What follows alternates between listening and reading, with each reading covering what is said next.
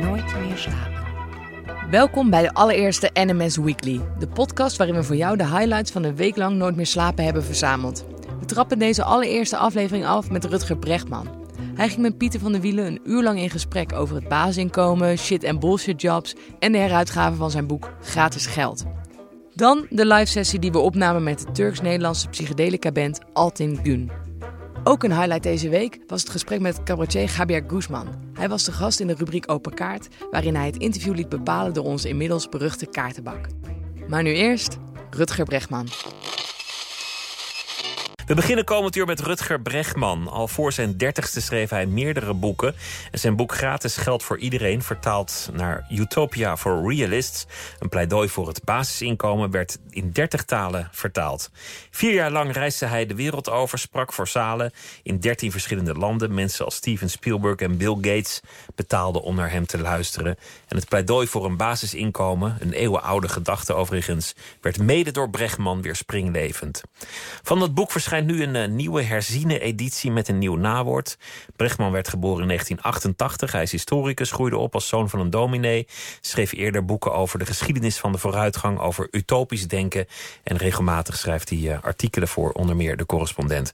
Rutger Brechtman, hartelijk welkom. Dank Pieter, superleuk om hier te zijn. is, een, is een, een, eigenlijk een absurd succes, dat boek. Ik bedoel, als je zo'n zo'n soort boek schrijft, dan, dan heb je wel je verwachting... en dan hoop je dat het het goed mm -hmm. doet. Maar, maar dit, dit kan niemand voorspellen, nee, dat het boek dat doet. Is echt volkomen bizar om, om het te hebben meegemaakt, inderdaad. Dat, uh, wij, wij publiceerden het boek in september 2014. Het was het eerste boek dat de correspondent, het journalistieke platform waar ik voor schrijf... Uh, dat, ja, dat we publiceerden. Dus het was echt nog uitzoeken van hoe werkt eigenlijk zoiets. Hoe krijg je je boek in het uh, nou ja, Centraal Boekhuis? Hoe promoot je dat? Hoe zorgen we dat we recensies krijgen? Het was echt helemaal uitzoeken. Nou, en toen dacht, toen dacht ik in 2016... zou eigenlijk wel leuk zijn om te vertalen. Dus toen hebben we het vertaald en uh, op uh, Amazon gegooid. Amazon Create Space heet die functie. Dat is ja, normaliter iets wat auteurs volgens mij doen... als ze niet een uitgever kunnen vinden. Weet je wel, van die self-published boeken. Um, en dat liep ook eigenlijk niet zo goed uh, in die tijd. Het was, ik denk eerlijk gezegd, dat het meer geld heeft gekost dan uh, opgeleverd. Maar toen ineens, met de grote boekenbeurs in Frankfurt in 2016... werd mijn boek aan, uh, aan, aan, een heleboel landen verkocht. En uh, ja, dan mag je op tournee gaan. En die tournee heb je gedaan met, met veel bevindingen. Mensen die er van alles van vonden in, in alle, landen weer, alle landen weer anders. Mm -hmm. Ter rechterzijde, ter linkerzijde. Maar we kunnen wel zeggen dat het idee in ieder geval wind in de, in de zeilen heeft gekregen. Absoluut, absoluut. En we kunnen ook zeggen dat, dat jij inmiddels een soort, uh, soort ster in de economisch-historische beschouwende wereld bent geworden.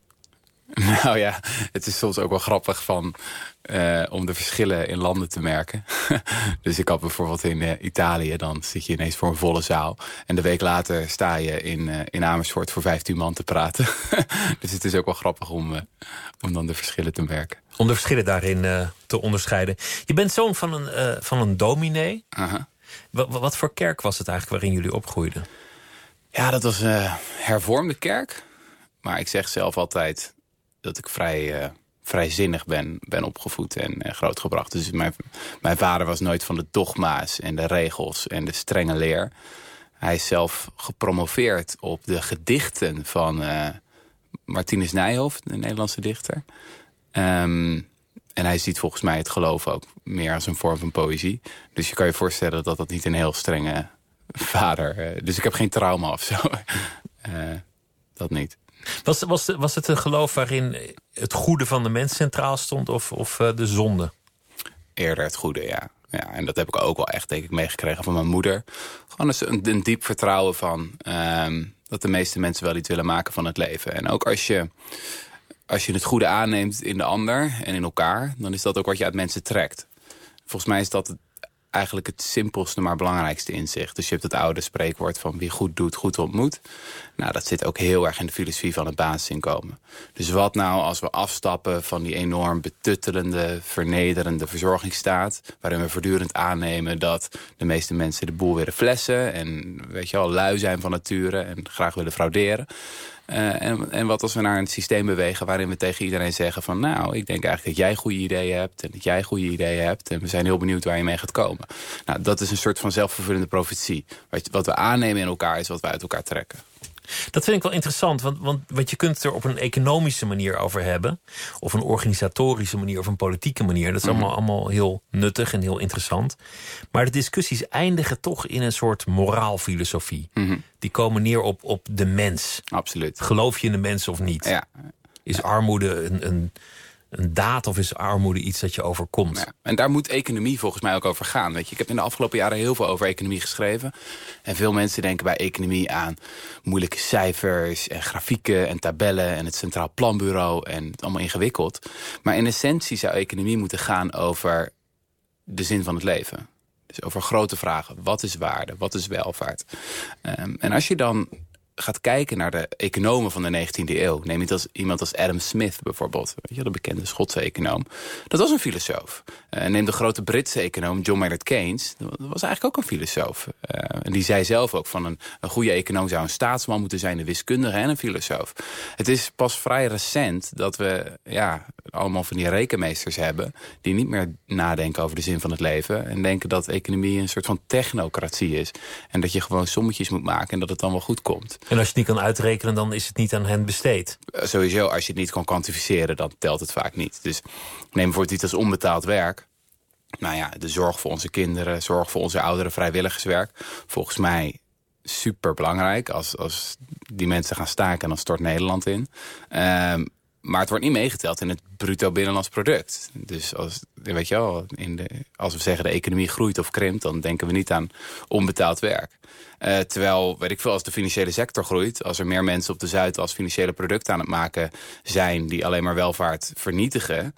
Uh, of de volgende crisis gaan veroorzaken... dan zeggen we de economie groeit. Dus dat slaat natuurlijk volkomen nergens op. En dat laat zien dat je terug moet gaan naar de oorspronkelijke vraag...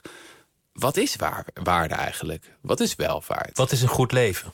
Wat is een goede samenleving? Precies, ja. Wat is een, wat is een mens? Dat zijn eigenlijk religieuze vragen. Dat is eigenlijk alsof je heel dicht bij je vader bent geëindigd... maar dan zonder God. Absoluut. Hoe komt het eigenlijk zonder God? Want, want hoe valt de zoon van een dominee van zijn geloof af? Ja, dat is echt een proces van... Ja, ik was 16, 17, 18 jaar oud. En um, kijk, als je een vader hebt die een best wel abstract godsbeeld he, heeft... dan ga je daar natuurlijk tegen afzetten. Dus dan wil je zelf vrij precies weten van... Ja, is er nou leven na de dood? Ja of nee? Dus je had ook fundamentalist kunnen worden? Uh, bestaat God nou? Ja of nee? Ik had heel goed fundamentalist kunnen worden, ja, absoluut. Om, om je af te zetten tegen die vader? Ja, en dat je, je gaat dan alles over lezen wat je maar kan vinden, wat los en vast zit. Dus bijvoorbeeld, ik las dan het werk van Herman Philipsen, weet je, een bekend Nederlands atheïst. En ik dacht van, ja, uh, elke feitelijke uitspraak die je kan doen over het geloof, uh, ja, dat klopt allemaal niet. Dus ik weet nog goed, ik stond onder de douche. Ik denk dat ik een jaar of 19 was. En ik denk, en ik besloot ineens van, uh, ik ben atheïst. En dat vond, ja, dat vond ik eigenlijk best wel deprimerend. Ik was, vond dat niet een vrolijke ontdekking of zo. Het, het is niet een besluit, maar meer een constatering. Het is eigenlijk al zo. God is uit mij verdwenen en nu kom ik er maar voor uit terwijl het water neerklettert. Nou ja, dat denk ik, ja. Maar ik ben, ik ben veel recenter daar uh, eigenlijk weer veel milder over na gaan denken. Het interesseert me niet meer zoveel. Dus toen was ik in een periode bezig van... iets moet waar zijn, ja of nee. Dus de mens is goed, ja of nee. God bestaat, ja of nee. En nu ben ik veel geïnteresseerder in... niet de waarheid, maar het effect van een geloof. Snap je?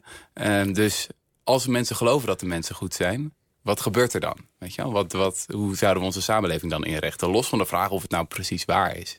Ja of nee. Uh, dus dat heb ik ook een beetje met het, met het geloof. Dat het me gewoon niet zoveel meer uitmaakt of God nou bestaat. Ja of nee. Ik ben veel, veel meer geïnteresseerd in wat mensen daarmee doen. En, en hoe het ze vervolgens beweegt. Dus als mensen blij zijn van de gedachte aan een God... maakt het eigenlijk niet uit of het, of het waar is? Ja, zou ik, ja, of als ze er mooie dingen mee doen. Uh, en dat zie ik wel heel sterk bij, uh, bij mijn ouders. Ik was toevallig uh, dit weekend met mijn vader naar Chartres. dat is een, een plekje 80 kilometer ten zuidwesten van Parijs. En er staat een fantastische kathedraal. En, In the middle of nowhere. Het is nog groter dan een Notre Dame, maar met een heel klein stadje er maar omheen. Klopt, ja. ja het is een, het is een ongelooflijke kathedraal. Mijn vader had me ermee naartoe genomen... omdat het eigenlijk ook een een, een heel bijzondere plek is. Omdat daar allerlei soort van geloofsinvloeden samen lijken te komen. Dus je denkt normaal bij een katholieke kerk, denk je aan, weet je, als, nou ja, toch wel wat de hele katholieke zantenkramen van uh, Maria-verering en bla bla bla. maar hier zie je dan ineens allemaal sterrenbeelden hangen in die kerk. En je ziet ook beelden van Socrates en Aristoteles. Dus een ongelofelijke tolerantie eigenlijk voor andere denkbeelden. Het is een hele oude, oude kathedraal ook. Wat is het, 11e, 12e eeuw. Wilde niet meedoen aan de kruistochten. Want dat vonden ze maar niks om, om andere mensen hun geloof op te gaan leggen. En als ik dan daar ben, dan merk ik ook van... Ja, het interesseert me eigenlijk niet zo heel veel. Van, weet je wel, wat klopt ja of nee. Ik ben gewoon veel meer geïnteresseerd in... Uh, ja, kan dit een inspirerende plek zijn om mensen in beweging te brengen voor goede dingen. Interesseert jouw vader wel of jij God erbij haalt of niet? Of, of haalde hij zijn schouders op toen jij onder de douche vandaan kwam en zei... Eh, pa, ik ben atheïst? Ja, volgens mij meer dat laatste. Volgens mij is hij meer geïnteresseerd in wat ik met mijn leven doe... dan, uh, wat, ik, ja, wat ik dan, uh, en wat voor, dan wat voor termen ik ergens, uh, woord ik ergens Wat voor labels je erop plakt. Je, je, was, je was, dat zou je denken als je voor je dertigste vijf boeken hebt geschreven... dat je een briljant leerling was en een zeer gemotiveerd student... En dat je altijd de, de, beste van de klas was. Maar, maar dat was niet zo. Nee, absoluut niet. Nee, nee nou, ik was ook niet een totale ramp, maar ik was gewoon echt lui. Ja, je liep gewoon niet zo hard. Nee, ik was echt lui. Dus ik heb best wel veel gespijbeld ook in de vijfde en zesde klas. Uh, daar was ik best wel goed in. Uh, op een gegeven moment kregen we een nieuwe coördinator en die had het wel door. Dus toen ging toen dreigen met de leerplichtambtenaar. Dat was minder leuk. Nou, dan moet je flink uh, spijbelen voor die dat dreigement pakt. ja, denk ik ook wel, ja. Nee, ik had ook ik, het vrij standaard de eerste twee uur, dat, dat deed ik niet aan. Dat vond ik echt te vroeg. Um, Terecht ook trouwens. Precies, precies. Ik ben nog steeds een, uh, een avondmens. Maar um, ja, uh, ik, ik had eigenlijk niet zoveel uh, interesses. Ik had een schitterende 3.7 voor Latijn op mijn eindexamen. geschiedenis ging wel. En ik had als idee van, nou, ik word wel gewoon geschiedenisleraar later. Dat leek me een heerlijk vak. Ik had een hele leuke geschiedenisleraar natuurlijk ook. meneer Van Manen. Ehm, ik dacht, dat ga ik ook doen. Toen ging je geschiedenis studeren en ergens daar moet het zijn gebeurd dat je zeer gemotiveerd werd. Dat, je, dat je een harde werker bent geworden. Ja, ja. dat was in mijn, ik in mijn tweede jaar. Er waren een paar oorzaken. Eén was dat een goede vriendin van mij een tweede studie ging doen. En toen dacht ik, ja wacht even. Als jij een tweede studie gaat doen, uh, dan kan ik ook. Dat is toch een beetje dat competitieve element. Dus toen dacht ik, nou ga ik ook twee studies doen. Uh, en toen eh, kwam ik bij een dispuut terecht. Van, uh, ik was lid bij, van een christelijke studentenvereniging, SSR Nu in Utrecht. Ehm, ook weer een vrij vrijzinnige club, moet ik zeggen. Ik denk de meest onchristelijke christelijke studentenvereniging van Nederland. Um, en daar, daar werd ik dus lid van een dispuut. En er zaten vooral oudere jongens bij. Uh, en uh, ja, die waren bezig met uh, ja, Wittgenstein lezen of zo. Of ja, Bertrand Russell en dat soort filosofen. En die deden dan net alsof ze er wat van wisten. En ik dacht, ja, dat is cool, dat wil ik ook. dus dat ging ik toen ook doen. Weer filosofen die zich bezighouden met de moraal en, en de aard der mensen. Ja, ja. Weer, weer over goed en kwaad. Ja, ja en, en, en wat, wat voor ons toen heel erg centraal stond... hadden als slogan van... je moet je verwonderen dus ons idee was, je moet alle vakgebieden door elkaar gooien. Dus we zijn geïnteresseerd in psychologie, in filosofie, in natuurkunde, in scheikunde, in geschiedenis. In, weet je wel? Alleen als je dat allemaal combineert met elkaar, dan kom je tot interessante inzichten. En stiekem probeer ik dat nog steeds te doen in mijn werk. Uh, dus als je een onderwerp uh, bestudeert, zo'n breed mogelijk perspectief uh, te nemen. En volgens mij is, is een van de maatschappelijke problemen op dit moment... is dat er niet zoveel meer plekken meer zijn waar mensen dat kunnen doen. Weet je, de universiteit is steeds specialistischer geworden. Moet heel erg, uh, nou ja, een, een, promotie is vier jaar lang je specialiseren in een onderwerp... wat de meeste mensen niet zo interessant zullen vinden. Um, terwijl de journalistiek vaker heel generalistisch is... of in ieder geval heel erg op het hier en nu zit. En je daar dan weer ook weer niet echt genoeg kan uitzoomen. Weet je, het is vandaag deze aanslag of het is vandaag deze politicus die zegt dit of dat. Het is dus of de diepte of de breedte, maar niet precies, allebei. We missen die tussenplek eigenlijk. Waar mensen ja, beetje generalistisch naar de, naar wereld kunnen kijken. Dat is eigenlijk jouw plek geworden, want je bent niet strikt een historicus meer. Mm Een econoom ben je nooit echt geweest. Dat is ook een voordeel, zeg je zelf. Maar je, je zit ergens tussenin.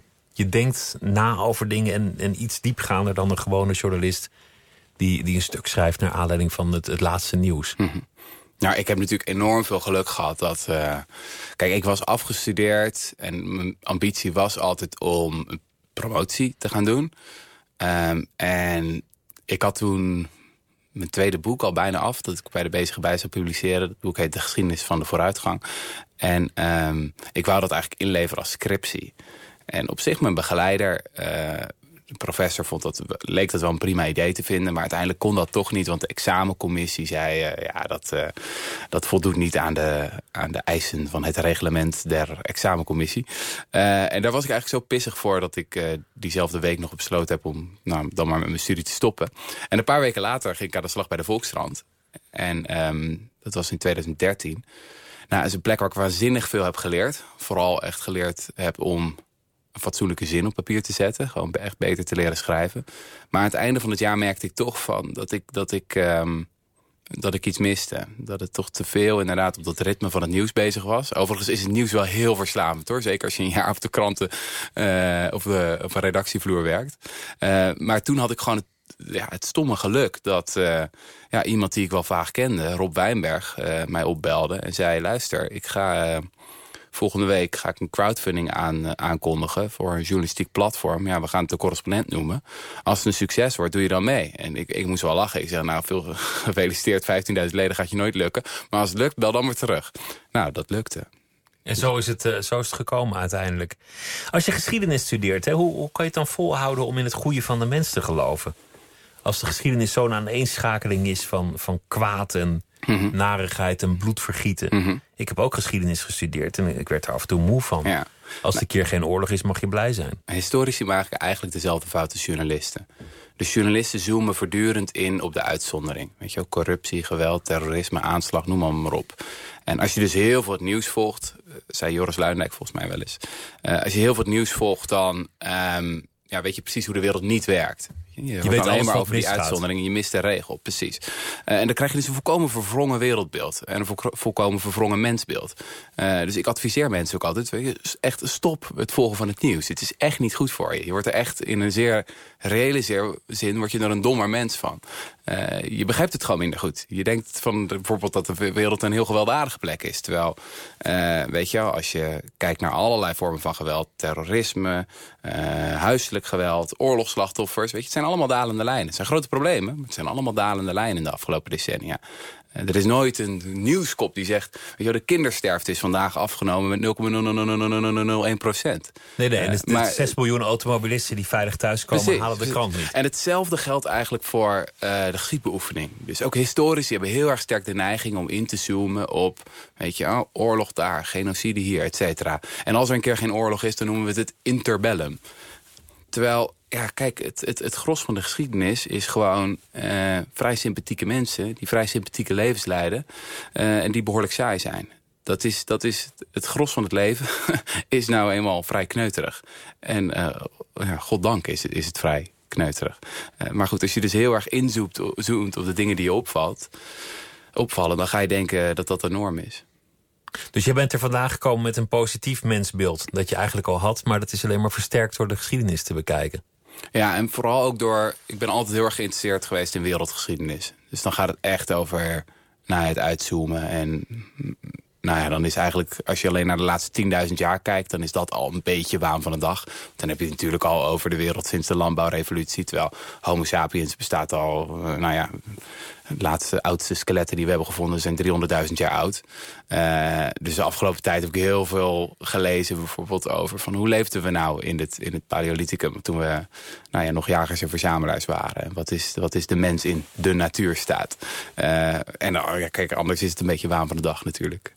Wij, wij, leerden altijd bij geschiedenis dat je, dat je geen uitspraak over het heden kon doen. Daar, moest je eigenlijk uh, verre van blijven. Het, mm -hmm. het verleden is een ander land. Mm -hmm met andere culturen en andere gebruiken. En het gaat niet over nu. Voorspellingen, daar mocht je al helemaal niet je aan wagen. Mhm. En vergelijkingen, die liepen altijd mank. Mhm. Dus, dus wie dat deed, die kreeg een dikke rode streep door zijn scriptie. Mhm. Jij, jij doet het eigenlijk allemaal in je, in je boeken. Je Ja. bent een heel ander soort historicus. Ja, afgezien van de voorspellingen heb ik inderdaad aan al die dogma's heb ik volkomen maling. En natuurlijk moet je wat leren van de geschiedenis. En natuurlijk moet je vergelijkingen trekken. Ik bedoel, dat is de hele reden volgens mij waarom we het doen. Uh, en trouwens, als professionele historici het niet doen... dan zullen anderen het wel doen. Uh, dus volgens mij moeten we juist getraind zijn... om dat op een zo goed mogelijk en zo verantwoordelijk mogelijk wijze te doen. Het enige waar ik echt niks mee heb inderdaad is uh, voorspellingen. Ik bedoel, dat, dat gaat eigenlijk vrijwel altijd mis. geschiedenis hangt zo aan elkaar van bizarre toevalligheden. Weet je? Toen ik me verdiepte in de geschiedenis van het basisinkomen in de jaren 70 in de VS... Uh, weet je, heel, heel, weinig mensen weten dat op dat moment bijna iedereen dacht dat een basisinkomen, vrij radicaal idee, zou worden doorgevoerd door niemand minder dan Richard Nixon. De, de, de half nou corrupte president. Um, en het gebeurde uiteindelijk niet door een reeks van toevalligheden. Eén, uh, de democraten wilden ook dat basisinkomen, maar liever nog een hoger basisinkomen. Dus ze dachten, weet je wat, we stemmen tijdelijk tegen en dan komt het er later wel door. Uh, toen was er nog een, een, een, onderzoek in Seattle in 1978... waaruit bleek dat het basisinkomen voor een explosie van echtscheidingen zorgde. Weet je, allemaal vrouwen die ineens dachten van, weet je wat, ik kan die, kan die rotzak verlaten. Toen zeiden alle conservatieve economen en, en, en, politici zeiden... oh, dat basisinkomen willen we niet, want dat maakt vrouwen veel uh, te onafhankelijk... Uh, dus die waren van op dat moment tegen. Tien jaar later blijkt dat een statistisch foutje is gemaakt. In de werkelijkheid was er geen explosie van echtscheidingen. Snap je? Dus het hangt dan aan elkaar van allerlei... Maar het is, het is grappig dat ook nu... Het, je kunt niet zeggen dat het een links thema is. Je kunt niet zeggen dat het een rechts thema is. Zowel links als rechts omarmen het op verschillende momenten... om verschillende redenen bij vlagen. Ja. Het, het, enige dat je daarop kunt afdingen is dat ze het steeds over net iets anders hebben. Omdat je het basisinkomen nou eenmaal op heel veel verschillende manieren kunt vormgeven. Ja. Dat, dat is dan wel een. Uh, ja, er zijn heel veel varianten van het basisinkomen. Dus je moet altijd natuurlijk eerst even met elkaar over gaan hebben van waar hebben we het nou precies over. Maar het is waar. Ik bedoel, er zijn hele goede rechtse argumenten om voor een, een basisinkomen, of in ieder geval in die richting te gaan denken. Minder bureaucratie. Ja, een minder betuttelende overheid meer vrijheid voor burgers om hun eigen keuzes te maken. Uh, betere waarborging van privacy, noem maar, maar op. Dat zijn toch uh, meer, nou, je zou het kunnen liberale, rechtse, libertaire argumenten. Terwijl links uh, kan in zijn handjes knijpen, want we gaan de armoede voor eens en altijd uitroeien. Dat is toch ook best leuk. Maar waar hebben we het precies over? Laten we, laten we een van die vele variaties uitkiezen die, die jouw voorkeur zou hebben. Een basisinkomen. De, de, de mhm. makkelijkste gedachte die je erbij kunt hebben is iedereen, ongeacht wat hij doet... zolang zijn uh, long-hartfunctie er is en hij staat ingeschreven bij het uh, burgerregister... Mhm. krijgt duizend piek elke maand op de mhm. bankrekening. Ja, dat is de variant ook die het meest in het nieuws is, denk ik. Dan noemen we het universele basisinkomen. Iedereen maandelijks een bedrag van waar je staat op je rekening klaar, that's it. Hoef je niks voor te doen, geen formuliertje invullen. Hoef je niks voor te doen. Nou, de, de, andere variant, dat noemen we het gegarandeerde basisinkomen dat is eigenlijk historisch gezien de variant waar uh, het meest over gediscussieerd is. Die bijvoorbeeld ook bijna door Nixon is ingevoerd. Wat je dan doet, is dat je het inkomen van iedereen die onder de armoedegrens dreigt te zakken... meteen aanvult en vervolgens die steun langzaam uitfaseert. Dus dan creëer je eigenlijk een vloer in de inkomensverdeling. Je zegt eigenlijk, wie je ook bent en wat je ook doet... je hebt recht op duizend euro. En als je er zelf niet in kunt voorzien dan krijg je het van ons. Precies, en het is ook weer volkomen onvoorwaardelijk. Dus niemand, het kan niet meer voorkomen dat iemand in een land als Nederland uh, in armoede leeft. Nou, die twee ideeën klinken best wel verschillend, weet je wel. Aan iedereen een basisinkomen geven of alleen die vloer bouwen. Maar als je naar netto de kosten onder de streep kijkt... dan zijn die identiek. Dan zijn die precies hetzelfde. En dat komt omdat, nou ja, als je dat universele basisinkomen gaat financieren... en iedereen dat bedrag gaat geven... ja, dat moet natuurlijk ook uh, betaald worden. Dus in zo'n scenario zullen veel mensen een basisinkomen krijgen... en een vergelijkbaar bedrag aan extra belastingen moeten betalen. Nou, dat is een beetje vestzak broekzak natuurlijk. Um, en daardoor zijn de, de netto kosten veel beperkt. Maar wat ik, wat ik heel erg merk is dat dit punt... Het ongeveer het meest nou ja, verkeerd begrepen punt is rondom in de hele basisinkomen discussie. En is ook een van de redenen waarom heel veel mensen denken dat het idee onbetaalbaar is. Terwijl het in, in werkelijkheid, nou ja, de kosten zijn serieus. Maar ja, niet onoverkomelijk. Nou, als, je het, als je het heel simpel zou uitrekenen, zou je zeggen... Uh, eh, 17 miljoen Nederlanders, waarvan een aantal dan minderjarig. Dus die, die laten we er even buiten. En die krijgen dan allemaal duizend per maand. Dus dan zit mhm. je al gauw aan zeg 12 miljard per maand. Ja. Bruto kosten. Ja, ja. Dat, dat, is een, dat is een fix bedrag. Ja, en dat is dus een beetje misleidend. Omdat, nou ja, van al die Nederlanders... die krijgen natuurlijk ook een basisinkomen. Dus als je 1000 euro extra belasting moet betalen... maar ook een 1000 euro basisinkomen krijgt... netto effect is natuurlijk nul. Dus het is een beetje oneerlijk om... als ik zeg maar jou een tientje geef... en vervolgens jij moet het tientje meteen weer teruggeven aan mij... om dan te zeggen dat de operatie mij 10 euro heeft gekost. Het is gewoon netto nul. Het is van de ene zak in de andere zak gedaan precies, uiteindelijk. Precies. Uiteindelijk is dus de vraag van hoeveel herverdeling komt er in werkelijkheid tot stand? En dan heb je het eigenlijk over een bedrag van... Nou, ik heb wel eens een achterkant van de sigarendoosberekening gedaan. Dan heb je het over 5, misschien 6 miljard euro. Veel geld. Maar goed, uh, de zorg in Nederland is 94 miljard. En de dividendbelasting was, uh, was ook al 1,4. Ja. ja. En, en, en we hebben vooral vrij serieus bewijs... dat is misschien het belangrijkste punt... Uh, dat de kosten van armoede nog groter zijn dan die 6 miljard. Dus denk aan de hogere zorgkosten. Denk aan meer criminaliteit. Denk aan kinderen die slechter presteren op school. Weet je, we hebben echt een enorme berg aan wetenschappelijk bewijs... dat armoede peperduur is. Uh, er zijn mooie studies gedaan, bijvoorbeeld... Um, naar wat, wat, wat gebeurt er nou als je een euro investeert in een dakloos in Nederland? Nou, antwoord, die krijg je drie keer terug.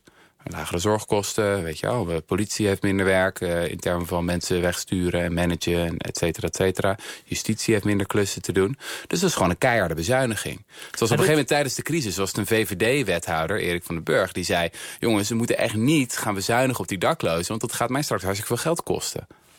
Dit is meteen het interessantste punt, want, want we kunnen eindeloos gaan rekenen. Mm -hmm. Maar het wordt uiteindelijk altijd een morele discussie. En, mm -hmm. en precies deze vraag, wat gebeurt er als je een euro geeft aan een dakloze. Mm. Nou, een euro is een beetje laag. Dat, dat, dat zal niet enorm effect hebben, welke mm. kant op dan ook. Maar laten we zeggen, je geeft 10.000 euro aan een dakloze. Wat gaat hij doen? Gaat hij, gaat hij feest vieren, het opsuipen... en is hij morgen weer dakloos? Mm -hmm. Of gaat hij een florerend bedrijf beginnen... en is hij van zijn dakloosheid af? Nou, hier heb ik wel een leuk verhaal bij, denk ik. Um, ik was op een gegeven moment in Vancouver... om een TED-talk uh, daar te geven. Uh, en toen kreeg ik een mailtje van een uh, vrouw die heet Claire Williams. En uh, ze vertelde mij een verhaal dat er een, nou, een, wat oudere vrouw in Nederland had mijn boek gelezen. Die had het getipt aan haar zoon. Die had het gelezen tijdens een lange vlucht. Die vond het wel interessant en die had het weer aan die Claire gegeven... die in Vancouver woont. En uh, zij dacht van, weet je wat, ik ga mijn baan... een van de corporate consultancy-achtige baan... Waar, waar ze stiekem het nut niet echt van inzag... dacht van, uh, weet je wat, die zeg ik op. En uh, ik ga wat doen met de ideeën in dat boek. En ze was vooral geïnspireerd door een verhaal dat ik vertel... in het derde hoofdstuk van het boek... over een experiment in Londen... waarin 13 daklozen nou ja, een budget kregen van 3000 pond... Uh, om uit te geven aan wat ze maar wilden. Dus dat was volkomen, Geen voorwaarden. Ja, gratis geld zou je kunnen zeggen. Um, en weet je, zelfs bij de organisatie die dat deed... waren mensen best wel sceptisch. Ja, weet je, het ging echt over mensen die soms al 40 jaar op straat leefden ja, wat gaan die daarmee doen? Uh, ja, die zullen dat wel aan drugs of alcohol of, of weet ik veel wat uh, besteden. Maar wat gebeurde er? Um, die mannen hadden eigenlijk best wel goede ideeën. Eén kocht, een paspoort. Iemand ging uh, tuinierklasse uh, cursus doen. Iemand kocht een gehoorapparaat, een woordenboek. En een jaar nadat het experiment was begonnen... hadden zeven van de dertien mannen een, een, een dak boven hun hoofd. Dus het was een beetje alsof het geld ze nieuwe kracht had gegeven om iets te gaan doen. Um, die vrouw, die Claire Williams, waar ik net over had... die vond het zo'n mooi verhaal dat ze dacht... weet je wat, daar ga ik, daar ga ik wat mee doen. Toen ik in Vancouver was, toen liet ze me een dikke stapel papier zien... Uh, van uh, een groot fonds dat ze net had binnengesleept voor haar stichting. Uh, de New Leaf Project heet dat. en die stichting die wil het grootste cash transfer experiment voor daklozen... nou ja, dat mij bekend is, gaan doen in Vancouver. Dus ze willen een stuk of 100 daklozen 7.500 Canadese dollar geven. En dan wetenschappelijk monitoren wat de effecten zijn.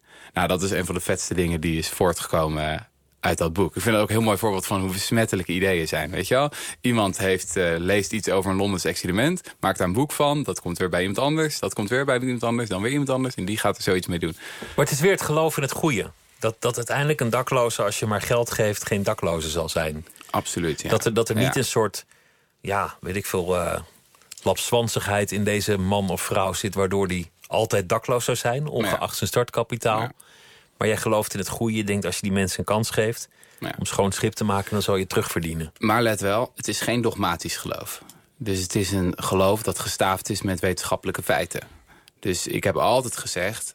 Um, weet je, als iemand kan komen met een basisinkomen-experiment... of een cash transfer-experiment of weet ik veel wat... waaruit blijkt dat mensen massaal lui zijn... of weet je, al hun geld besteden aan alcohol of drugs dan ben ik de eerste die mijn mening zal bijstellen. En zal denken van, hmm, misschien is dit toch niet zo'n goed idee. Uh, ik heb geprobeerd zoveel mogelijk nou ja, de claims die ik doe over hoe mensen in elkaar zitten... te onderbouwen met, met wetenschappelijke experimenten. En we hebben er uh, gelukkig een heleboel gedaan sinds de jaren 70. Trouwens, al geven ze een deel van het geld aan alcohol en drugs uit... zolang ze maatschappelijk verder geen overlast veroorzaken lijkt me dat ook een tamelijk morele discussie. Nou ja, al zie je dus het tegenovergestelde. Er is een hele grote studie van de Wereldbank geweest... naar het effect van cash transfers. Dit gaat dan over echt armere landen. Dan zijn we ook vaak bezorgd. We, weet je wel, we gaan dan mensen eh, koeien geven of cursussen... omdat we denken, wij weten het wel beter. Um, maar er zijn, zijn ook wel enkele overheden of stichtingen die het aandurven om geld te geven aan hele arme mensen in bijvoorbeeld Kenia of Oeganda. En dan blijkt vaak dat uh, de uitgaven aan aan tabak en alcohol juist omlaag gaan.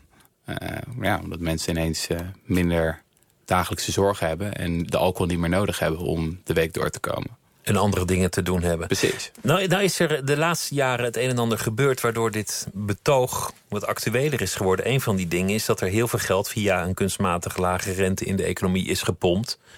Wat op het min of meer zelfde neerkomt, maar dan langs een andere weg. Want, want geld dat je creëert geld dat je perst, dat geef je gewoon aan bankiers. Mhm. In de hoop dat die zorgen dat het zijn weg vindt naar de samenleving. Mhm. Via leningen.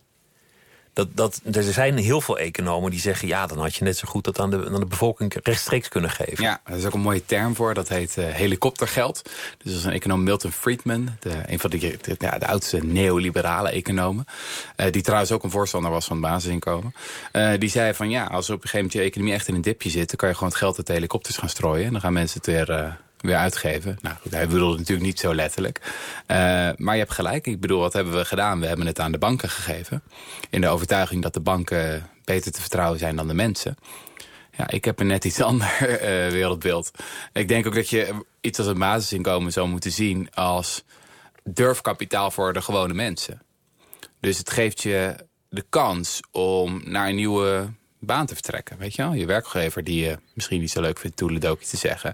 Of een nieuw bedrijf op te starten. Of naar een andere stad te verhuizen. Weet je? Het maakt, maakt je economie en je samenleving veel dynamischer.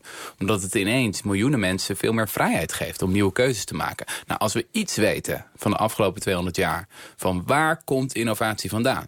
Het komt natuurlijk voort uit de vrijheid om risico's te nemen. Feit is dat heel veel mensen nu geen risico's kunnen nemen omdat ze vastzitten aan, aan een baan. Weet je, dat, ze, dat ze leven van salarisstrookje naar salarisstrookje. Uh, ze zitten vast aan aan een hypotheeklasten die ze steeds moeten betalen. Dus als je die vloer in die economie bouwt... waar mensen altijd op kunnen terugvallen...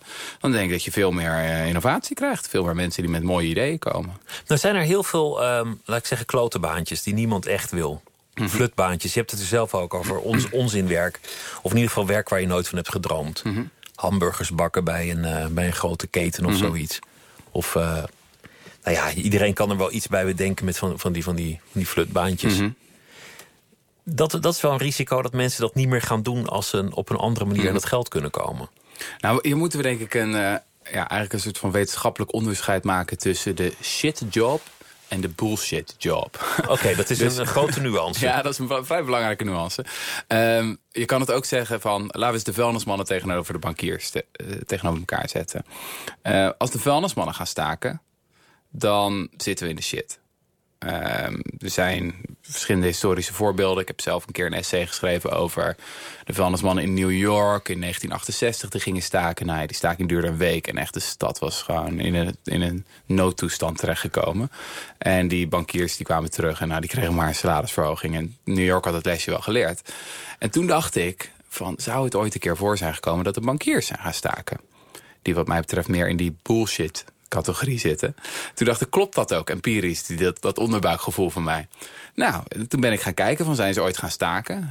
En ik heb gekeken voor de afgelopen 5000 jaar. Dus eigenlijk ja, sinds de uitvinding van geld. En ik uh, kon maar één voorbeeld vinden. Dat was Ierland, 1970. Bankiers waren boos dat hun loon achterbleef bij de inflatie. En toen zeiden ze van, nou, nu zullen jullie het zien ook. Uh, wij gaan lekker staken en dan zien jullie hoe belangrijk wij zijn. Nou, alle, alle experts zeggen van, dat wordt een ramp, weet je, die economie zal instorten. Dit is een hartaanval voor de eerste economie. Maar wat blijkt, die staking die duurde zes maanden. En na zes maanden kwamen de bankiers terug en zeiden van... oké, oké, oké, ja, we gaan wel weer aan het werk. Dus misschien is die hele financiële sector in termen van welvaartcreatie. En nou ja, wat het echt belangrijke werk, is... waar we het aan het begin van ons gesprek over hadden... misschien overschatten we dat een beetje. En misschien zijn die vuilnismannen eigenlijk wel veel belangrijker. En ik denk dus dat we naar een samenleving en een economie moeten gaan... waarin we nou ja, die shitjobs veel meer waarderen... omdat we daar niet zonder kunnen. Nou ja, en die bullshit jobs misschien wat minder. Met andere woorden, als niemand het wil doen... zou het meer moeten betalen... omdat de markt dan zou gebieden dat er dan meer geld tegenover Precies, moet die lonen gaan gewoon omhoog. En dat is het belangrijkste effect van het basisinkomen. Echt het vetste effect ook. Dus de lonen van de verplegers en de leraren en de vuilnisman en de schoonmakers... die zullen in een basisinkomen-economie omhoog gaan. Omdat het ook een universele stakingskas is. Je kan altijd terugvallen op het basisinkomen. En we weten als zij gaan staken zitten we in de problemen. Als de leraren gaan staken, de vuilnisman, et cetera. Nou ja, als de, als de telemarketeers en de consultants en de fiscalisten en de bankiers gaan staken... nou, misschien dat het soms een probleem zal zijn... Maar heel vaak denk ik ook niet zo. Dus die lonen zullen waarschijnlijk iets omlaag gaan. En dat betekent dus dat je op de lange termijn terechtkomt... in een economie waar de lonen veel beter reflecteren... wat de sociale waarde van iemands werk is. Dat is, dus heel, dat is echt fascinerend. Dan krijg je dus een economie waar, laten we zeggen... de leraren en de verplegers het hoogste salaris ook verdienen. Nou, die gaan dan ook de hoogste belastingen moeten betalen. Dus dan zeggen we, ja, dat zijn de sterkste schouders... die moeten ook de zwaarste lasten dragen. Status gaan we dan heel anders zien, weet je wel. Uh, wat, welke baan het meeste prestige heeft. Je komt echt in een heel andere wereld terecht. Een ander ding dat, dat aan het gebeuren is, is automatisering. En dat betekent dat heel veel mensen buiten de boot gaan vallen in de economie. Mm. Dat steeds meer werk wordt overgenomen door robots, door machines, door, door andere handige processen. En dat betekent dat onze economie die zegt producten komen tot stand door werk. En wie werkt krijgt geld om die producten te kopen. Dat het eigenlijk op veel vlakken niet meer werkt.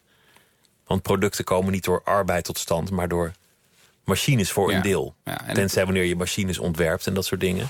En in principe is dat goed nieuws natuurlijk. Op zich is dat goed nieuws, meer vrije robots, tijd. Precies, als de robots meer werk doen voor ons... dan kunnen wij genieten van, laten we zeggen, het goede leven. Uh, of kunnen we nadenken over hoe we echt zin willen geven aan ons leven. Nou is het punt dat als je weer uitzoomt en kijk naar de geschiedenis van dit vraagstuk... dan zal je zien dat tot diep in de jaren 60, 70... vrijwel alle economen en sociologen en filosofen... allemaal voorspelden van we gaan minder en minder en minder werken. Weet je wel, de John Maynard Keynes, de beroemde econoom, die zei... we hebben straks een werkweek van nog maar 15 uur. Uh, Isaac Asimov, de bekende science fiction schrijver, zei... de grootste uitdaging van de toekomst is verveling. Wat gaan we in vredesnaam nog doen met die zeeën aan vrije tijd? En hij zei ook, dat wel grappig, hij zei de grootste beroepsgroep... dat worden de psychologen en de psychiaters. Want die moeten al die mensen behandelen die allemaal zo vreselijk verveeld zijn. Nou, het is waar, de een van de grootste beroepsgroepen is, zijn momenteel die, die psychologen en, en psychiaters. En entertainment, ja. En, en, en Nederland heeft zelfs de hoogste psychologendichtheid ter wereld. Maar dat, die zijn niet bezig met verveling of zo behandelen. Die zijn meer mensen met burn-outs aan het behandelen. Dus je ziet eigenlijk dat sinds de jaren tachtig zijn we ver, veel meer gaan werken. En de beste verklaring volgens mij is dat we heel veel banen zijn gaan verzinnen. Die eigenlijk niet zo nodig zijn. Dus er zijn gewoon waanzinnig veel mensen die dag in dag uit, misschien niet een hele uh, werkdag, maar een groot deel van de werkdag, bezig zijn met dingen waarvan ze stiekem diep van binnen denken, ja, weet je, is dit nou zo nuttig? Weet je, e-mails versturen aan mensen die je eigenlijk niet mag, rapporten schrijven die toch niemand gaat lezen. Dan maar weer een uurtje op Facebook doelloos rondsurfen. Uh, ik denk dat dat een hele veel voorkomende werkervaring is geworden voor veel mensen. Omdat we vasthouden aan dat ideologische dogma eigenlijk van... gij moet en zult werken voor uw geld. Nou ja, dan blijf je maar banen verzinnen die eigenlijk niet nodig zijn. En dat, dat kan al een hele tijd doorgaan. Ik bedoel, misschien. Maar wat het, wat het fascinerende is als je erover doordenkt... stel dat je het zou doen, dan moet je dat eigenlijk niet als één land doen. Dan, dan kun je het zelfs niet eens als Europa doen... Want, want wat er dan gebeurt is dat je, dat je hier een basisinkomen hebt. Een soort, soort lui lekkerland heb je ervan gemaakt. Mhm. Terwijl je toch afhankelijk bent voor je productie van andere landen waar dat niet is. Dus dan moet je er een soort muur omheen zetten. Nou, die, die staat er eigenlijk al. Dat vindt, vindt niemand heel vrij dat die er staat, maar dat is gewoon zo. Mhm. Hoe ga je daarmee om met de, de globale ongelijkheid? Ik denk dat de landen die als eerste durven te bewegen... in de richting van een basisinkomen... een groot concurrerend voordeel zullen hebben ten opzichte van andere landen. Simpelweg omdat ze innovatiever zullen worden. Je zou je talent beter gaan uh, besteden. We hebben nu een enorme verspilling natuurlijk. Die aan de gang is van menselijk kapitaal eigenlijk. Weet je, in Nederland 400.000 kinderen die opgroeien in armoede. We weten wat de desastreuze gevolgen daarvan zijn. En hoeveel we daarvoor moeten gaan betalen in de toekomst met z'n allen. Uh, het eerste land dat zegt, oké, dat gaan we niet meer doen... heeft natuurlijk een hartstikke concurrerend voordeel ten opzichte van andere landen. Um, dus ik maak me eerlijk gezegd niet zo, zoveel zorgen... of dat nou in een internationale context zo'n probleem gaat worden. Wat je wel natuurlijk moet bedenken is dat je stapsgewijs in die richting zal gaan. Dus het zal nooit in één klap gebeuren. Weet je wel, vandaag uh, introduceren we het basisinkomen in Nederland. Dat zullen we nooit horen. Uh, maar wat mijn, dit is misschien ook weer het historische perspectief. Wat mijn ervaring is, is dat mensen heel vaak overschatten hoeveel verandering er plaats kan vinden in de komende twee of drie jaar. Maar dat we echt radicaal onderschatten hoeveel verandering er kan, plaats kan vinden in de komende 10 of 20 jaar. En dat we dan terug zullen kijken en denken van wow, wat is er veel gebeurd. Dat is het utopisch denken waar jij een aanhanger van bent. Het, durven dromen, het komen met een grote visie. Mhm. Komen met een radicale kijk. Niet, niet meer zeggen, nou ja, het systeem is nou eenmaal zo. Of laten we zorgen dat, dat het allemaal goed geregeld is en verder wil ik niet gaan. Ja. Je, bent echt een, voor, een voorstander van de grote denkers, de grote visionairen. Ja, ik denk eerlijk gezegd dat dat gewoon uh, een kerntaak is van schrijvers... of ieder die zichzelf nou ja, intellectueel of zoiets wil noemen. Ik bedoel, dat is je taak om voortdurend te komen met volkomen gestoorde, onrealistische, onredelijke, onbetaalbare ideeën omdat iedere mijlpaal van beschaving ooit een volkomen onrealistisch, onredelijk en onbetaalbaar idee was. Dus hoe harder iedereen zegt wat een naïef jongen, wat een onzin, hoe, hoe harder jij gaat lopen? Nou ja, dat geeft wel energie, ja. Want dat is precies de bedoeling. kijk, daarom is het ook een beetje apart. Dat, kijk, ik begon vier jaar geleden natuurlijk over dat basisinkomen. En ik maak me nu al een beetje zorgen, want het lijkt een beetje een mainstream idee te worden. Dus ik moet volgens mij weer door naar iets anders. iets anders. Uh, de, de, goedheid van de mens, dat, dat is eigenlijk een, het onderliggende thema. Ja, dat, dat zit er. Het, wat er ten diepste onder mijn werk zit, is een, is een ander mensbeeld. Dus dat is het interessante. We doen heel vaak alsof er hele grote verschillen zijn in Nederland en, en, en op andere plekken tussen links en rechts. Die zeggen die staan lijnrecht tegenover elkaar. Ik denk eigenlijk dat als je naar het mensbeeld gaat kijken, van zowel Emil Roemer als, laten we zeggen, Mark Rutte, dan zal het mensbeeld heel vaak ten diepste hetzelfde zijn. Um, dat is namelijk een vrij negatief mensbeeld. Dus ten diepste zijn mensen zelfzuchtig, egoïstisch, worden ze snel gecorrumpeerd. En weet je, bij links zijn het dan de bankiers die fundamenteel niet deugen... en bij rechts zijn het de uitkeringstrekkers. Maar we hebben heel vaak een, een negatief mensbeeld. Dat gaat ook heel ver terug. Weet je. Het heeft diepe wortels in het christendom. In Nederland in het Calvinisme natuurlijk. Uh, de erfzonde. Je kan nog verder teruggaan naar Griekse denkers, zoals bijvoorbeeld de Griekse historicus Thucydides... die al schreef over de pest in Athene... Uh, en zag van hoe vreselijk mensen zich gingen gedragen toen het even tegenzat. Of uh, een burgeroorlog en dat mensen elkaar de hersenen insloegen. Je kan ook nog verder teruggaan en kijken naar nou ja, allerlei psychologisch onderzoek van... hoe zit de menselijke natuur überhaupt in elkaar... en waarom zijn we vaak zo wantrouwend ten opzichte van elkaar. Maar mijn stelling is eigenlijk dat dat negatieve mensbeeld ja, dat is een van de meest dominante ideeën die we hebben in onze samenleving. En het punt is, het klopt gewoon niet. Het klopt echt niet. Uh, Jij gelooft nog steeds dat de mens goed is, geneigd tot het goede. Nou, niet, dat, zo zou ik het niet formuleren. Ik, ik denk dat we twee kanten hebben, weet je wel. We zijn, natuurlijk, we zijn geneigd tot goede en slecht. We hebben, we hebben prosociale instincten en minder sympathieke instincten. Maar wat we aannemen in de ander is wat we krijgen. Dus het is heel belangrijk om een iets vrolijker mensbeeld te hebben. Omdat als je volgens je democratie en je sociale zekerheid... en de werkvloer zo gaat inrichten, dan gebeuren er heel mooie dingen. Laat ik iets concreter worden. Um, buurtzorg. Een van de meest succesvolle bedrijven in Nederland op dit moment. Iets van vijf keer verkozen, is werkgever van het jaar. Als je Jos de Blok, de baas en oprichter van het bedrijf... gaat vragen van wat is jouw mensbeeld... dan zal hij zeggen, nou, ik denk dat de meeste mensen deugen. En ik denk dat als ik mijn uh, werknemers, de verplegers... die het werk moeten doen op de werkvloer... Uh, zo maximaal vertrouwen geef en zelfs zo min mogelijk in de weg ga lopen... dat er dan mooie dingen gebeuren. Nou, hij begon met twee teams in, in, in Hengelo en Enschede... Uh, inmiddels is dat een bedrijf met 14.000 werknemers... en er komen hoogleraren van over de hele wereld... om zich aan zijn wijsheid te laven. Um, en dat met de kern, weet je, dat begint allemaal... Van, dat hij een ander mensbeeld had. En dan, dan vloeien daar volgens mij andere dingen uit voort. Laat zei iemand in dit programma... Wat je, wat je wil krijgen, moet je geven. Dat is de grote paradox. En dat geldt voor bijna alle dingen. Wil, wil je geld krijgen, moet je geld geven. Wil je liefde krijgen, dan moet je liefde geven. Ja, precies. Ja. Dat gaat voor veel dingen op. Mensen zijn enorm spiegelende wezens. Weet je, dat doen we al van jongs af aan. Dus je steekt een, je tong uit naar een baby en die baby steekt meteen de tong uit terug. Dus ja, als je vooral haat en negativiteit en ellende de wereld instuurt... Uh, via Twitter of Facebook of waar dan ook... dan moet je niet verbaasd zijn als je het terugkrijgt. Uh, maar als je het omdraait, dan, uh, ja, dan komen er ook betere dingen je kant op. Maar, het is allemaal geen, weet je, je hoeft er niet voor gepromoveerd te zijn om het te begrijpen. Maar God spoelde weg in het doucheputje toen je, toen je als tiener erover nadacht. Maar je, je bent zelf verdorie een dominee geworden. Nou, dat vind ik een mooi compliment. Is een compliment? ja. ja? Nee, maar ik, ik herken dat er wel in, in, in wat je nu doet. Ja. Nou, we hebben ook meer dominees nodig, toch? Ik denk dat veel mensen daar wel behoefte aan hebben. Visionaire, mensen die, die, die zeggen waar, wat er, waar het om gaat, waar het naartoe moet. Ja, maar, maar kijk, mijn stelling is altijd geweest...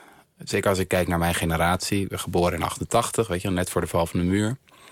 En dan, ja, dan kom je natuurlijk in een wereld terecht... waar de mensen waanzinnig rijk zijn. Ik bedoel, het is echt een voorrecht om geboren te worden in, en te leven in Nederland aan het begin van de 21ste eeuw. Dat is trouwens ook als je veel reist. Je komt elke keer weer terug op dat mooie Schiphol en die krijtwitte streep op de weg. Dan denk je, wat hebben we het weer goed geregeld hier. Um, en dan realiseer je op een gegeven moment ook van ja, het grootste probleem van, van onze generatie is niet dat we niet goed hebben, maar dat we niet weten wat de volgende stap is. Weet je, wat, wat het volgende um, visioen is waar we, waar we naar kunnen streven. En ik denk wel dat mensen daar ten diepste naar verlangen. Dat we uh, zingevende, zinzoekende wezens zijn. Uh, die niet genoeg hebben aan een, aan een huisje, boompje, beestje. En uh, een beetje Netflixen. Maar in politieke zin zou je kunnen zeggen dat Trump dat is. Dat Donald Trump een, een utopisch politicus is. Absoluut, absoluut. Die met een radicale grote visie komt. Er is een hele mooie quote van Mahatma Gandhi die hij nooit heeft gezegd, maar die altijd wel aan hem toegeschreven wordt. En dat is een prachtige quote, die eh, gaat als volgt. Uh, eerst negeren ze je, dan lachen ze je uit, dan bestrijden ze je en dan win je. Dus een quote die normaliter wordt gebruikt door weet je wel, van die utopische types als ik. Uh, die zeggen van nou, eh, nu word ik nog genegeerd, maar straks zullen ze naar me luisteren. Maar in 2015 stond hij ineens op de Instagram pagina van Donald Trump. En het is natuurlijk zo. Weet je? Eerst negeerden we hem, toen lachten we hem uit. Ah, dat wordt toch nooit wat. Toen hebben we hem nog even geprobeerd uh, te, bestrijden, te bestrijden. En nu is hij president van het machtigste land ter wereld. Dus het werkt allebei de kanten op. Weet je, de, het utopische denken is niet een soort van nou ja, laten we zeggen, links-progressief voorrecht. Sterker nog, ik zou zeggen dat in die hoek men het utopisch denken volkomen is vergeten. Terwijl de echte energie tegenwoordig in de andere hoek zit. Links, uh, links is realistisch geworden in de jaren negentig. De ideologische veren afgeschud en nog steeds huiverig voor, uh, voor de grote revolutie. Ja, ik word altijd kriegelig van het woord realistisch. Want heel vaak, wat heel interessant is aan het woord realistisch... is dat het vaak wordt gebruikt als een synoniem voor pessimistisch. Terwijl pessimistisch is niet realistisch. Toch? Ik bedoel, als je kijkt naar de immense vooruitgang die we als wereld hebben geboekt in de afgelopen 30 jaar, dan is de pessimist is niet realistisch. Die heeft een verwrongen wereldbeeld. Uh, als, de, als de pessimist voortdurend aanneemt dat andere mensen hem zullen oplichten, ja, zeker in een land als Nederland slaat dat nergens op. Ga kijken naar fraudecijfers. We hadden op een gegeven moment allemaal sportjes in, in Nederland tegen AOW-fraude. Checkte de ombudsman later hoeveel, om hoeveel mensen het ging, was het 0,0001% van de gevallen. Dus het is heel, heel onrealistisch om pessimistisch te zijn. Dus ik zou mezelf een neo-realist willen noemen. Zeggen van, we moeten dat woord realisme opnieuw claimen. Want het is juist realistisch om uh, met meer hoop uh, naar de wereld te kijken. Meer hoop naar de wereld kijken. En dat uh, wordt ook het thema van het volgende boek. Dat gaat over het mensbeeld. Rutger Brechtman, dank je wel dat je te gast wilde zijn... en vertellen over, over je werk. Eens in de twee weken nemen wij een uh, muzieksessie op in Amsterdam in de platenwinkel Velvet Music. Met muzikanten uit binnen- en buitenland. Voor meer informatie over die sessies kijk op de website www.vpro.nl slash nooit meer slapen. En uh, de laatste keer was het podium voor de Turks-Nederlandse groep Altin Gun.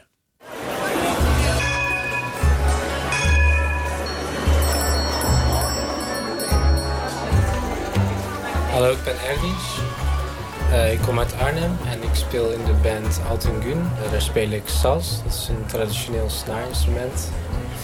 En uh, toetsen speel ik en ik zing ook samen met Merwe, de zangeres. Ik zou het eigenlijk omschrijven als een band die de Turkse traditionele muziek speelt.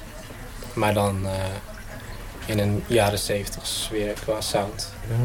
Leek hier zeggen. Dat is geschreven door Neshet Ertaş. Ja, dat is voor mij weer een hele grote inspiratie. Dat is een Turkse volkszanger eigenlijk. Die traditionele muziek heeft gemaakt. Hoe hij de nummers schrijft vind ik heel bijzonder. Want hij is zeg maar muziektheoretisch of zo. Is hij helemaal niet. Hij kan waarschijnlijk geen één noot lezen. Maar de dingen die hij schrijft zijn wel echt heel ja, bijzonder. Zo zeggen.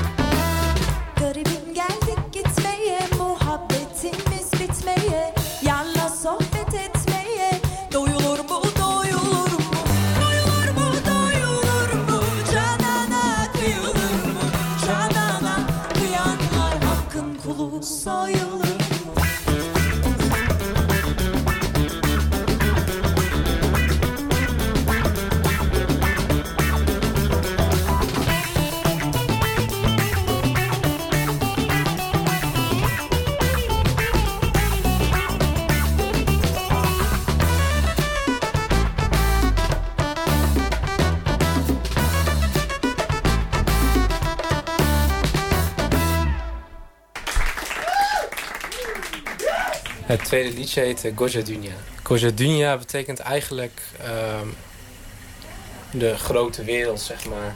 Hé, grote wereld. Ja, ik vind het heel lastig om dat te vertalen, zeg maar. Omdat de Turkse teksten eigenlijk alleen maar beeldspraak is. En soort poëtische teksten. Dat, dat is het hele ding wat, wat het bijzonder maakt. Je moet echt Turks snappen, zeg maar om, dat, om te kunnen weten waar het eigenlijk over gaat. Het, nummer is geschreven door Orhan Gencebai. En wij hebben eigenlijk de tekst daarvan genomen en zelf de arrangementen daarachter bedacht.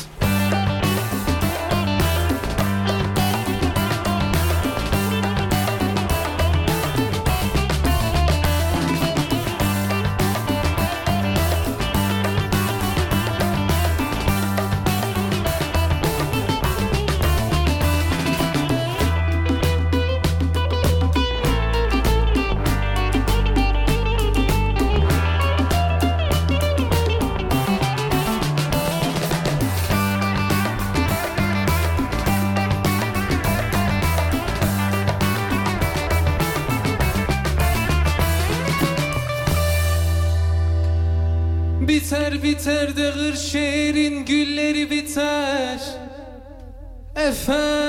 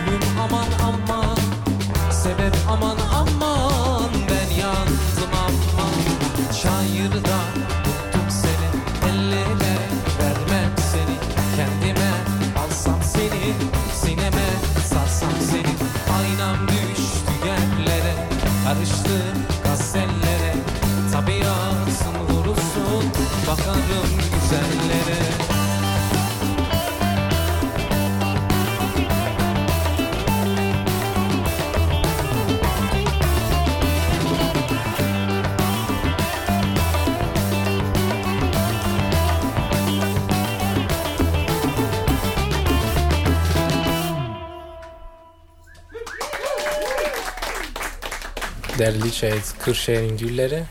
En dat is ook geschreven door Neshet Ertaş. Daar hebben we ook weer de arrangementen en eh, ja, bij bedacht eigenlijk. Dat is, dat is wat we met eh, alle nummers doen ook. We schrijven zelf niet eh, de teksten. We gebruiken echt bestaande teksten van traditionele muzikanten. Uh, Neshet bijvoorbeeld ja, dat is wel een hele bekende zanger, ja. Ja, in, in, in zijn beginfase werd hij niet echt serieus genomen. Wat je met heel veel artiesten ziet eigenlijk. Pas nadat hij is overleden is hij echt ehm, ja, erkend door heel veel mensen. Wat best wel jammer is.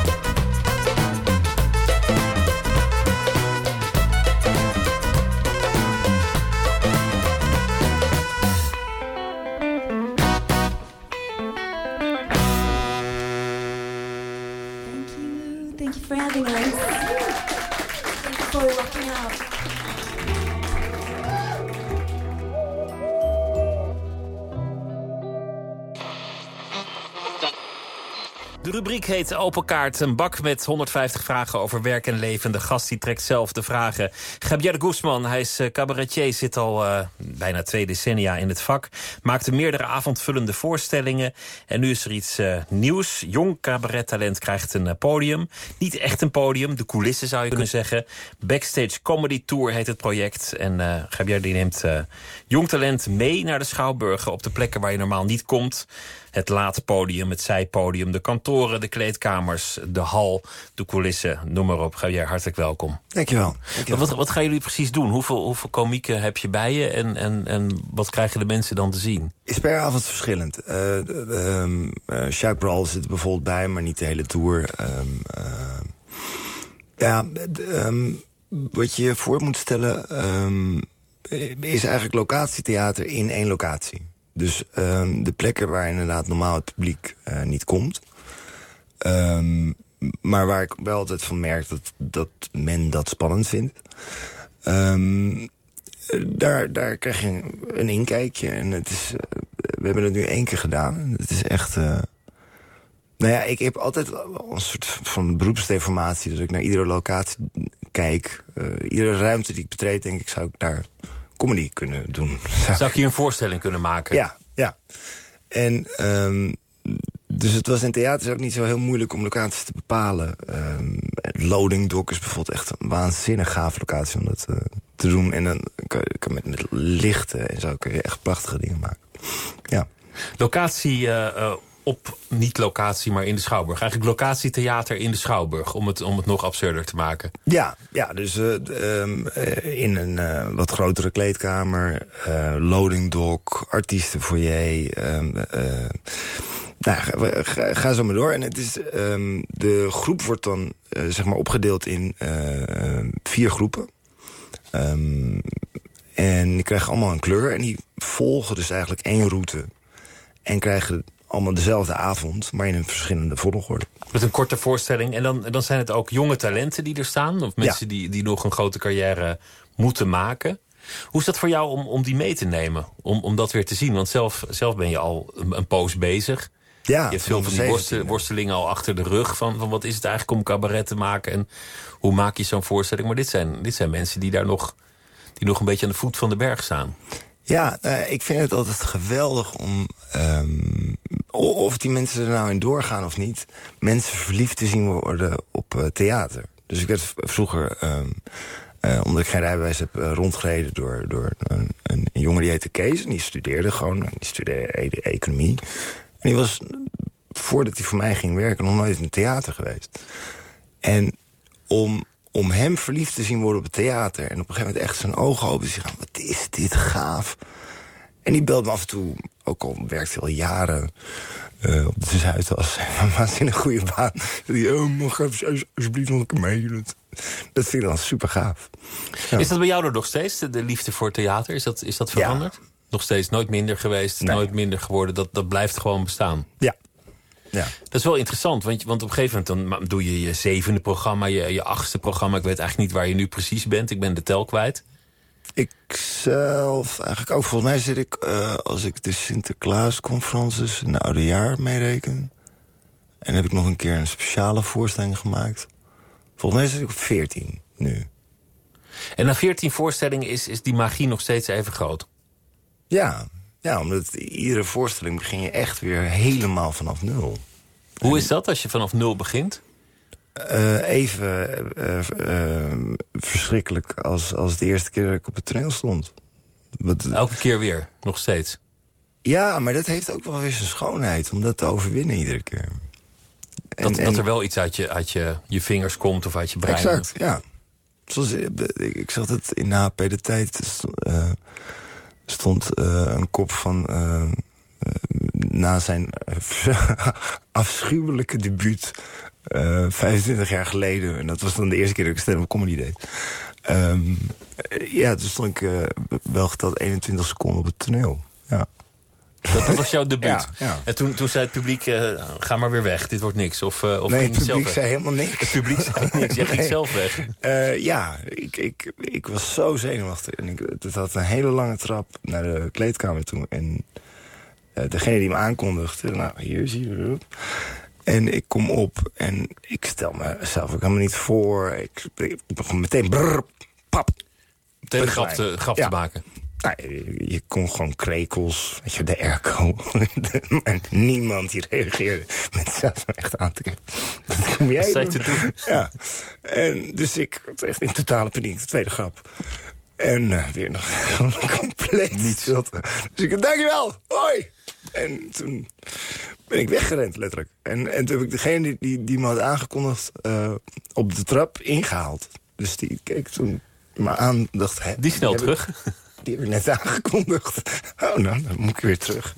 Maar- Wat is het eigenlijk dat je, iets, dat je iets heel graag wilt... waar je er ook heel bang voor bent? Dat je daar wil staan, terwijl, terwijl, terwijl tegelijk je grootste angst is. Eh, nee, het is, het is ehm, mijn, mijn grootste angst als ik nog niet een programma helemaal in de vingers heb. En als het lukt, is het helemaal geen angst. Nee, dan, dan is dat de plek waar ik me in de 24 uur dat ik eh, eh, leef... het meest op mijn plek eh, voel. Het meest leef en het meest... Soms denk ik zelfs het meest mezelf ben. Meer dan, dan buiten het eh, podium. Op het podium Nou ja, daar, een- daar weet ik me een houding te geven. Eh, privé vaak eh, niet. Daar hoef ik niet na te denken over, over hoe ik zit of zo. Dat gaat allemaal organisch.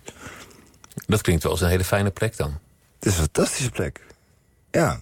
Mijn, mijn regisseur die me altijd heeft geregisseerd, André Veldkamp... die is, die is helaas overleden een paar jaar geleden. Ehm, die, die, keer- maar die was ook directeur van de, ehm, de the- theaterschool in Amsterdam.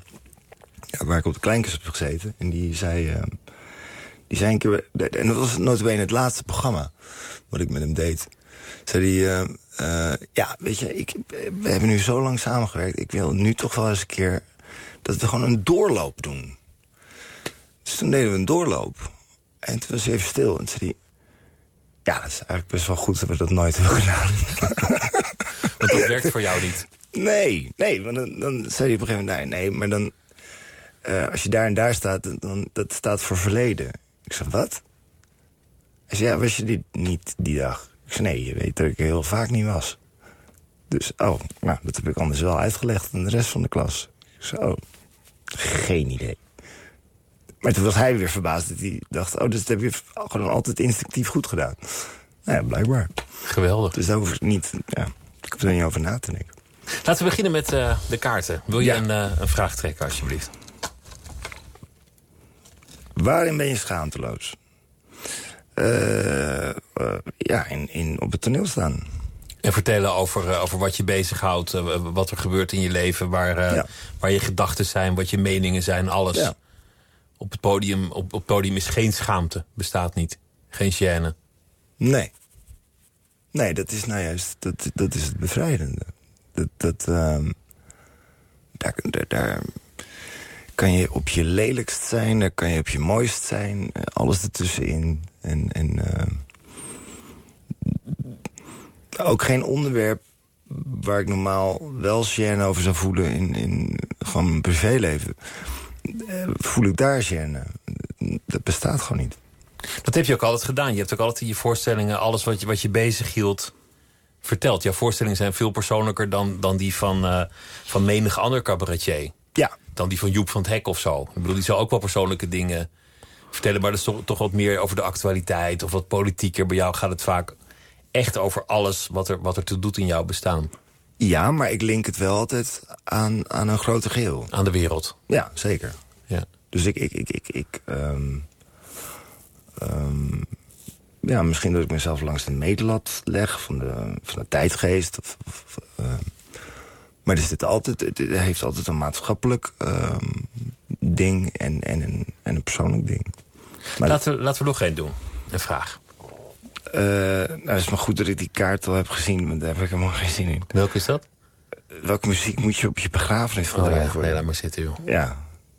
Nee, het zit wel in mijn huidige show... dat ik aan het einde zeg... eh, dat, ik, dat ik zo verbaasd ben dat je tegenwoordig... moet je iemands leven vieren. Ik denk, sinds wanneer mag je niet meer rouwen als iemand dood is? Het, het- Een begrafenis is een soort viering van het leven. van Wat heeft hij het goed gedaan? Wat, wat een mooi bestaan is ja en dus dan, dan draai ik het om. En dan zeg ik, eh, eh, bij mij eh, verwacht ik dat jullie... dan zeg ik, van nou, allereerst hoop ik dat het over heel lang is. Want we beginnen een lol in te krijgen. En ten tweede, jullie gaan keihard janken. Moet die dag keihard regenen. Gewoon een dramatisch effect. En eh, als dan zo langzaam die kist de grond in gaat... dan wil ik dat minimaal zes van jullie erachteraan springen en nemen mee.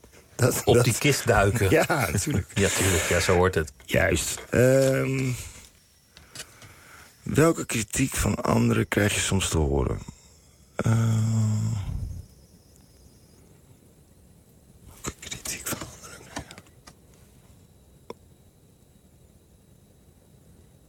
Is dat, is dat dan werkgerelateerd? Of? Ja, of in je eigen leven?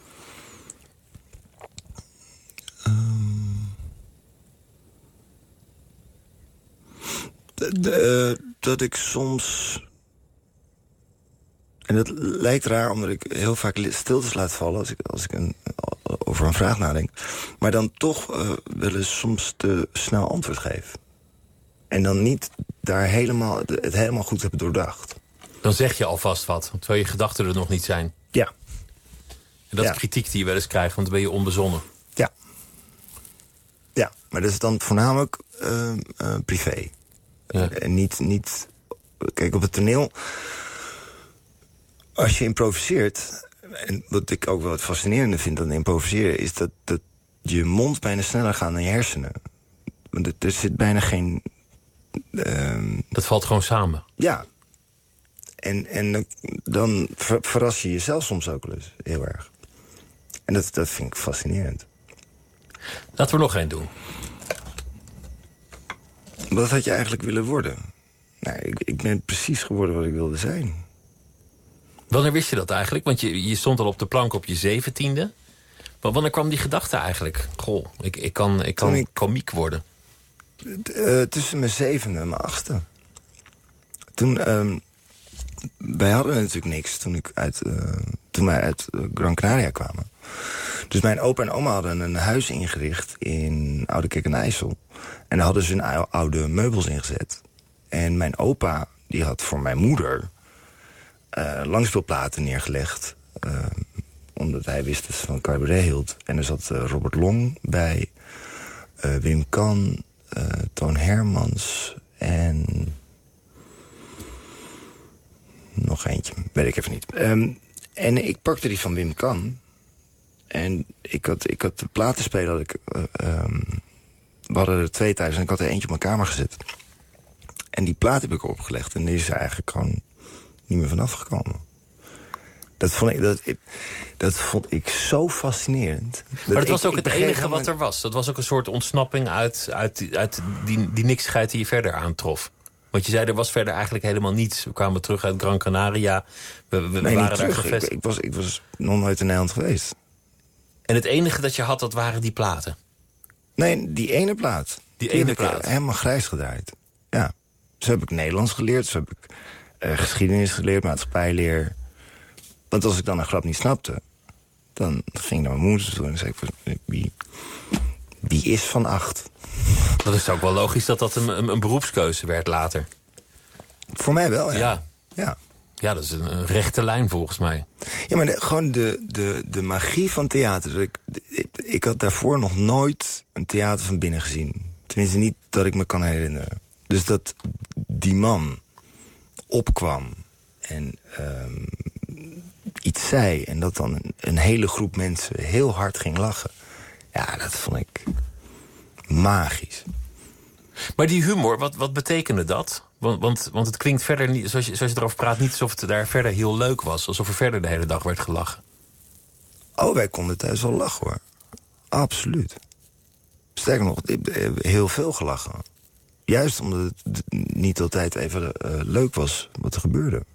De lach was nodig om, omdat het verder niet altijd leuk was. Ja, Dat, dat, dat hield het draaglijk. Daardoor bleven jullie bestaan. ja, ja. En, en mijn moeder is ook op het leukst als ze een beetje... ehm, en dat, dat...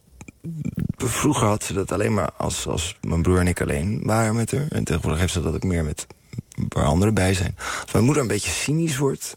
Ja, dan kan je echt keihard met die vrouw lachen. Ja. ja. Laten we nog één doen. Eén, één zo'n vraag. Is je carrière gelopen zoals je had gedacht?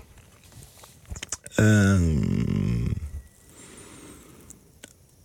eh, nou, dat ik het zo ver zou schoppen had ik niet gedacht. Ehm, maar dat het zo gelopen is ook niet. Allebei niet eigenlijk. Nee. Dus het is, het is eigenlijk... Dat klinkt eigenlijk heel positief zoals je het zegt. Dat, dat je ambities niet zo ver reikten als, als uiteindelijk Dat je durf bleken ik te niet te brengen. dromen, nee. Nee. Nee.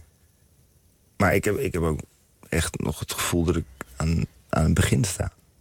Dat er, dat er zelfs na 14 voorstellingen nog, nog veel meer gaat komen. Dat er misschien wel 33 worden of eh 42 of eh, weet ik Dat veel. er nog heel veel eh, te, te, te halen valt in ehm, ehm, diepgang, in ehm, eh, vormen te vinden die, die een verhaal eh, verteld krijgen. En, en ehm, daarom dat ik het ook zo leuk vind om die, die, backstage comedy tour. Dat vind ik weer een nieuwe vorm, een, een nieuw iets. Ehm, wat, ik, wat ik niet eerder heb gedaan. En ik heb, ik heb de gekste plekken gespeeld. eh, op biljarttafels. En, en, ehm, en ik kan je zeggen, probeer maar eens gewoon in een, in een café op een biljarttafel met, met lampen van het biljart die dan zo waren opgehangen dat ze dan op je schenen. Probeer dan maar eens gewoon eh, vier mannen aan een bar eh, zich überhaupt te laten omdraaien. Of tussen, tussen gokkasten die het gewoon nog doen. Eh, maar dit, maar daar heb ik wel het meest geleerd. Dit is weer een, eh, een nieuwe te zien. De Backstage Comedy Tour met eh, nieuwe komieken en eh Gabriel die meedoet. Dankjewel dat je te gast wilde zijn. Dat was het weer voor deze week. Abonneer je op NMS Weekly via je favoriete podcast-app en ontvang elke week het beste van Nooit meer slapen. Oh ja, we zijn elke werkdag s'nachts te beluisteren van 12 tot 2 op NPO Radio 1.